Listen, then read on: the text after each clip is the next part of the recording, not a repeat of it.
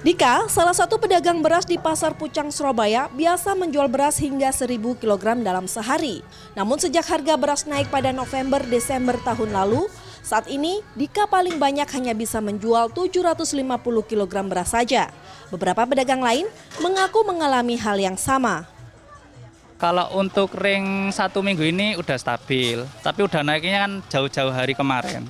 Sekitar awal Desember itu udah naik dari pertengahan November awal Desember itu naik melejit pesat lah kalau sekarang udah stabil jadi rata-rata mungkin yang beras kelas premium ya karena harganya kan melejit banyak dia akhirnya beralih ke medium cuman kualitasnya kan beda jelas turun jadi agak kuning Para pedagang beras ini mengaku kenaikan harga beras hampir selalu terjadi di akhir tahun. Alasannya stok beras tak banyak. Musim tanam yang sedang berlangsung menyebabkan harga gabah juga ikut tinggi. Bila mengacu pada Sistem Informasi Ketersediaan dan Perkembangan Harga Bahan Pokok di Jawa Timur atau Siska per Bapo, harga rata-rata beras di pasar Surabaya di tingkat konsumen pada 3 Januari 2023 terpantau stabil. Sejak 26 Desember tak ada kenaikan yang signifikan. Pantauan harga untuk beras IR64 di Rp10.800, untuk beras Bengawan di Rp12.750, sedangkan beras mentik di Rp13.333.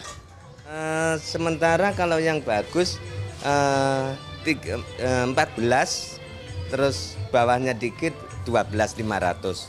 Ya sebetulnya ada kenaikan tapi nggak begitu banyak lah Mbak. Menurut Kepala Badan Pusat Statistik Provinsi Jawa Timur Dadang Hardiwan, kenaikan harga beras merupakan siklus tahunan karena musim tanam. Menurut Dadang, harga gabah diperkirakan turun di panen raya tiba pada bulan Maret 2023. Jauh dari panen raya itu sehingga stok uh, gabah ini kan di tingkat petani kan pas uh, mulai berkurang ya. Jadi stok gabah uh, di tingkat petani uh, mulai berkurang kemudian eh, menjelang uh, perayaan Nataru gitu kan ya. Ini, ini kan juga uh, meningkatkan permintaan. Jadi karena permintaan meningkat ini kan juga merupakan salah satu faktor yang uh, bisa mempengaruhi.